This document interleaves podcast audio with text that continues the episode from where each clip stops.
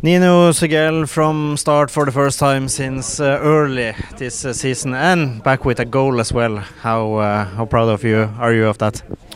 Yeah, it's it means a lot for me. You know, it's had a tough period now with this injury, but you know now I'm back uh, and uh, I want to give the all of I can for the team. So yeah, I'm happy with the win.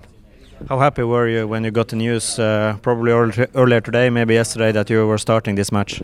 Yeah, of course, every player is happy when he's starting the game. So I, you know, it's nice to start a game and uh, after so long time, and uh, yeah, and uh, like I said, I'm very happy with the win today. You have come in as a substitute sometimes now and now, and have been playing really well as a substitute also. But now you finally get uh, scoring a goal. How pleased are you with that?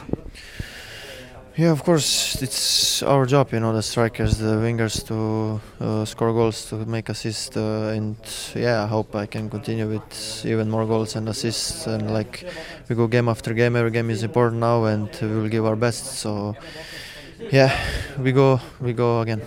How is the form now? How far away are you from playing 90 minutes?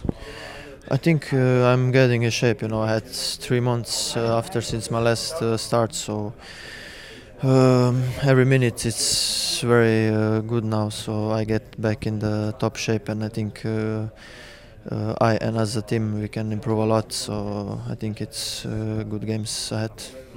And on Thursday, back in European action, this help for the confidence.